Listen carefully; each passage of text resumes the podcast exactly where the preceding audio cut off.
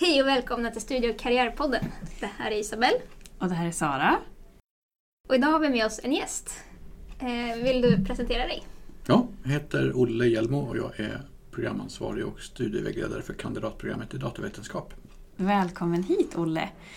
Jätteroligt att du är här. Just det, du har ju lite dubbla roller. Du är här i egenskap av studievägledare men du är ju Mm. även programansvarig. Ja, just det. Vad, vad innebär det då? Ja, programansvarig har, eh, så att säga, eh, hanterar programmets innehåll och eh, leder arbetet i, det är ju ett programråd som diskuterar sånt, men leder arbetet med hur man vill förändra programmet och vad det ska innehålla, vad man ska bli när man blir stor och sådär. Medan som studievägledare jobbar jag ju mer med att hjälpa direkt, hjälpa studenter direkt. Hur kommer det sig att du blev studievägledare då? Hamnade här på Uppsala universitet? Det var två frågor. Eh, jag kom till Uppsala universitet för att jag ville plugga datavetenskap. Så jag jag är själv datavetare och gick programmet själv. Fast ja, i den formen det fanns då.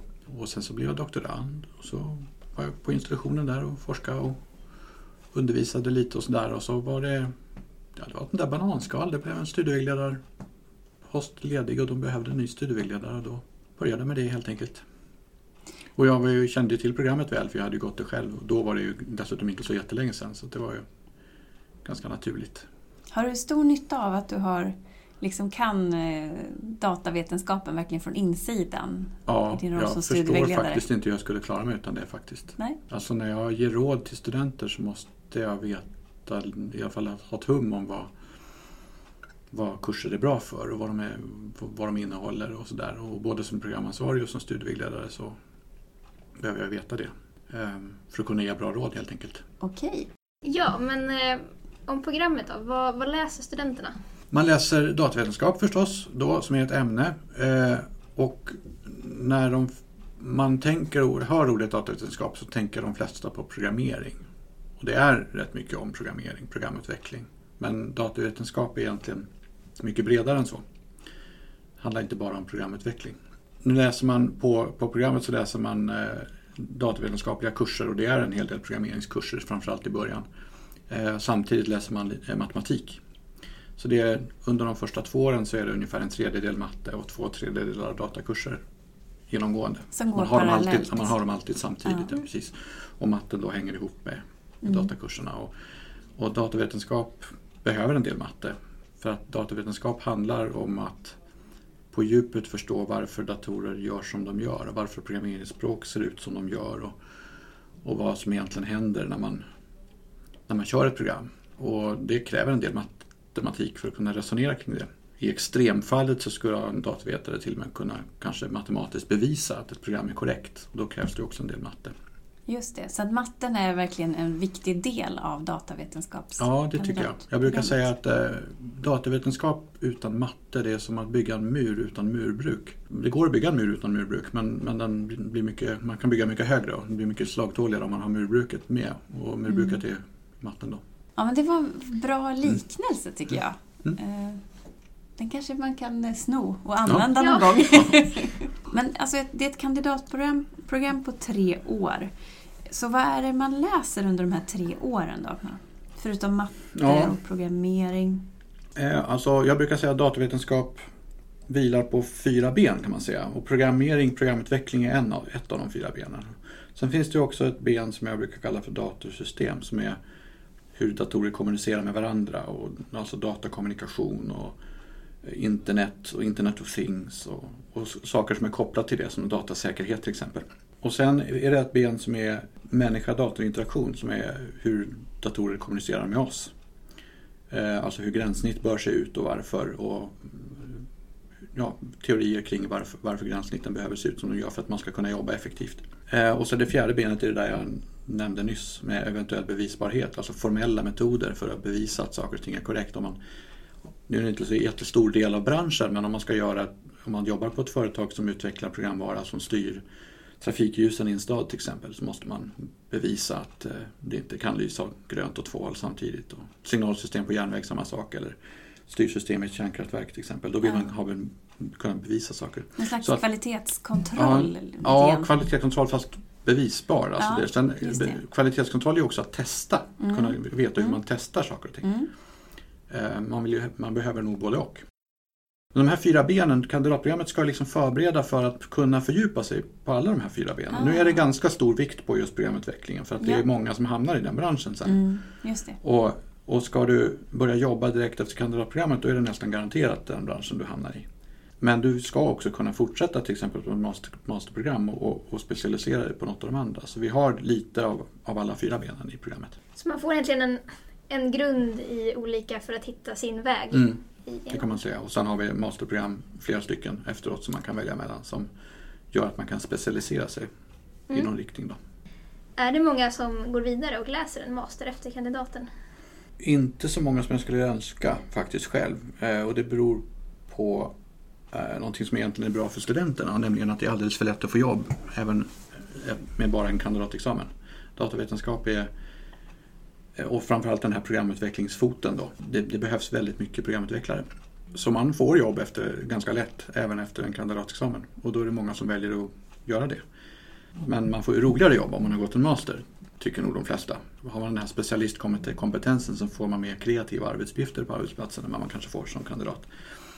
Och det där upptäcker en del då som har gått ut direkt efter kandidatexamen efter ett tag och så kommer de tillbaka och gör kanske mastern i alla fall fast senare än de hade tänkt från början. Så att det är lite svårt att mäta faktiskt hur många som går vidare. Ja, just det. För man kanske inte går direkt Man går kanske då. inte direkt, nej. Mm. Men det är färre än, än jag tycker att det borde vara som Mm. fortsätter på master. Men Mm. arbetsmarknaden är ju, det är ju bra att arbetsmarknaden är bra.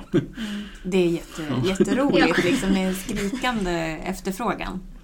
Ja, det, är det. är typen det. av Vi, jag kommer inte ihåg siffror men det är, det, vi, vi utbildar försvinnande få datavetare i Sverige jämfört med behovet. Ja, Mm. men det är ju ett väldigt populärt program. Man ser ju Mm. att söktrycket är ju ändå väldigt högt. Vad är det för antagningspoäng ungefär alltså för att komma in på det här kandidatprogrammet? Eh, Det beror lite grann på vilken kö, men det finns ju olika kvotgrupper man hamnar Mm. i. Men det ligger mellan eh, 16 och 6 och 17 och 2 beroende Mm. på kö.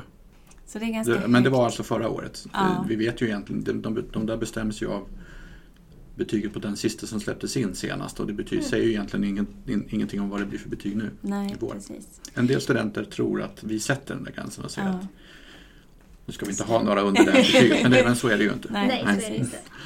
Just det. Och det här med behörighetskraven också för att komma in på DV. DV kräver bara matematik 4, eller matte D då är det gamla, Mhm. eh, utöver grundläggande behörighet. Nu tillhör vi, i kataloger och sånt där så står det att vi tillhör en sån här standardbehörighet, A9 tror jag den heter. Och där står det att det krävs också fysik B och kemi A, men det gäller alltså inte kandidatprogrammet. Nej, utan det är matte. Vi kräver bara matten. Mm. Just det. Och man måste vara intresserad av matte. Ja, man måste nog tycka att matte är kul. Ja. Eh, För matten är en viktig del av programmet. Och eh, den är, att matte på högskolenivå är ju lite annorlunda än matte på gymnasienivå också. Så för, även för, alla är det en liten omställning. Men om man är väldigt intresserad av datavetenskap men man har aldrig hållit på med någon programmering förut. Mm. Kan man söka programmet ändå? Ja, då, det går alldeles utmärkt. Vi är några som går, börjar varje år som inte har hållit på med programmering alls förut. De flesta har ju det. Alltså, eh, de flesta är ju sådana som har programmerat tidigare i, på något sätt, som hobby eller något annat. Eller, eller gått någon sån kurs i gymnasiet. Eh, men det är många, flera som börjar varje år som inte har någon sån erfarenhet. Hur klarar de sig då? Det går ganska bra. Det, de, båda de här grupperna har faktiskt lite problem ibland. Eh, Det kan vara problem också att kunna för mycket. För att det är svårare att lära om än att lära nytt. Eh, Så en del med de som har programmerat mycket, de har faktiskt eh, det förekommer att de har mer problem än, än de som inte hade någon erfarenhet alls. Eh, Så det, det slår lite åt båda hållen faktiskt. Men, det, men visst, det är, det är generellt sett över hela linjen så att säga. Så visst är det en fördel om man har programmerat Mm. eh, innan. Men det är absolut inget krav. Och några av våra bästa studenter vi någonsin har haft kom in utan att ha någon som helst erfarenhet. Det är ju väldigt Mm. kul. Det är hopp, känns ju hoppfullt Ja. att kunna när man Mm. pratar om programmet och om att söka och man känner sig lite osäker. Mm. Och, och sen dessutom, som sagt, datavetenskap handlar inte bara om programutveckling. Så att eh, det, det finns annat. Precis, det finns ganska mycket förutfattade meningar Ja, om mm. Programmet. Ja, Intressant. Men vad, vad är det man kan jobba med? Vad finns det? Du, det finns mycket, arbetsmarknaden ser god ut, men Ja. vad är det för typ av branscher och vad, vad jobbar man med som datavetare? De flesta tänker sig ju att man hamnar i IT-branschen förstås, när man går ett sånt här program.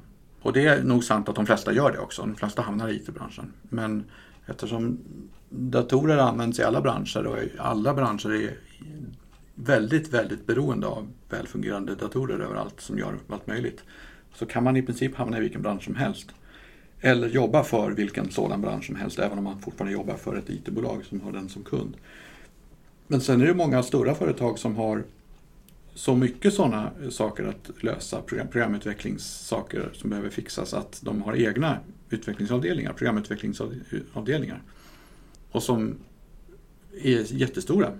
Men företaget som helhet räknas ju inte som IT-bransch för det, för det, de kanske bygger lastbilar eller, eller telefonväxlar eller något sånt där. Men, men de har en programutvecklingsavdelning som är större än de flesta IT-företag. Och då kan man ju hamna på en sån också förstås. Mm. Hur står sig kandidatexamen i datavetenskap internationellt? Jag tänker att om man tänker sig att man vill jobba utomlands, är det en bra mm. utbildning att gå? Om, om vi tänker oss att man fortsätter på en master så går det alldeles utmärkt att läsa den i något annat land. Jag tror att vår, vår kandidat anses hålla god kvalitet och så. Ska man ut och jobba är det kanske inte lika lätt beroende på land. För i en del länder är det väldigt viktigt att du har en masterexamen. Eh, å andra sidan är som sagt branschen eh, ganska har ganska ont om folk så att eh, de kanske anställer folk ändå. Men, men det finns olika, det är olika syn i olika länder och hur viktigt det är att man har en masterexamen. Så det, beroende på land kan det gå lite olika lätt eller svårt att, att jobba efter kandidat. Men att fortsätta på en master utomlands går alldeles utmärkt. Och jobbbranschen sen eh, är ju väldigt internationell. Alltså programutvecklingsprojekt är ju väldigt, det är väldigt globaliserade projekt. Så det är mm. Jag tänker att språket är mycket, det är mycket engelska. Ja, det är liksom. mycket engelska förstås. Mm. Det blir så naturligt. Det är, det är en hel del kurser som ges på engelska också inom mitt program. Faktiskt, vi har mycket engelskspråkig personal som ger kurser och sen eh, har vi ju våra masterprogram som har många utländska studenter och som man kanske läser kurser tillsammans med även på kandidatprogrammet på de senare åren. Mm. Och då blir ju de kurserna också på engelska. Så det är ganska mycket, så, mycket kurser på engelska. Så man ska vara beredd på att kunna plugga och lyssna på engelska? Ja, kurslitteraturen är nästan alltid på engelska också. Ja, precis. Så det, engelskan är viktig. Den är, det, det, är inget krav på ytterligare engelska än det som ingår i grundläggande behörighet men, men det, är, det är ganska viktigt att man är bra på engelska. Mm. Jag tänker, finns det någon studentförening, någon sektionsförening för DV-programmet? Mm, vi är ju en del av UTN, ja. Eh, Uppsala teknolog och naturvetarkår. Och eh, det, så det finns en DV-sektion där, fast den kallas inte för DV-sektionen, den kallas för UD för den är äldre än UTN. Den har funnits, oh. Vi har funnits ganska länge. Så, eh, så programmet har funnits sedan 81. Så att UD står för Uppsala datavetare. Mm. Men det här är alltså en sektion inom, inom UTN. Är det en aktiv den är sektion? Aktiv. Ja. Den är aktiv. Vad gör, vad och det finns studieråd och, och, ja. och sådär också. Sen har, har programmet dessutom en anställd PR-eminens som, som eh, hjälper till med PR-frågor i båda ändarna av programmet. Så att vi, dels hjälper eh, han mig, eh, det är en han just nu, hjälper mig vid rekrytering av nya studenter och så vidare. Men dessutom hjälper han till när företag kommer och vill ragga studenter, för det gör de ganska ofta. De är som sagt ganska desperata. Ja. Så de kommer ofta med jobberbjudanden och exjobbsförslag och sådana här saker och, och, och, som han hjälper till att förmedla. Och ordnar företagsevent så företag kommer att hälsa på och berätta vad de gör. Och sådär. Ja, jättebra, så mm. det är en mm. aktiv studentförening. Ja. Roligt. Är det någonting annat som du vill tillägga? Generellt. Man ska läsa det man tycker är kul. Mm. Det är viktigast. Jag har ja. pratat mycket här om att arbetsmarknaden är väldigt bra för DV och då är det lätt att man blir väldigt strategisk men man måste mm. tycka att det är kul. Annars det är det ingen vits. Det tycker jag var jättebra. Man, så, så man, man ska, om man tycker att det man gör är kul och det man läser är kul då ordnar sig resten i vilket fall som helst. Bra slutord tycker jag. Verkligen. Ja, tack så hemskt mycket mm. Olle för att du var med och berättade tack. om DV. Ja, tack så mycket. Och, eh... Tack till alla som har lyssnat. Precis. Ja, bra. Hej då.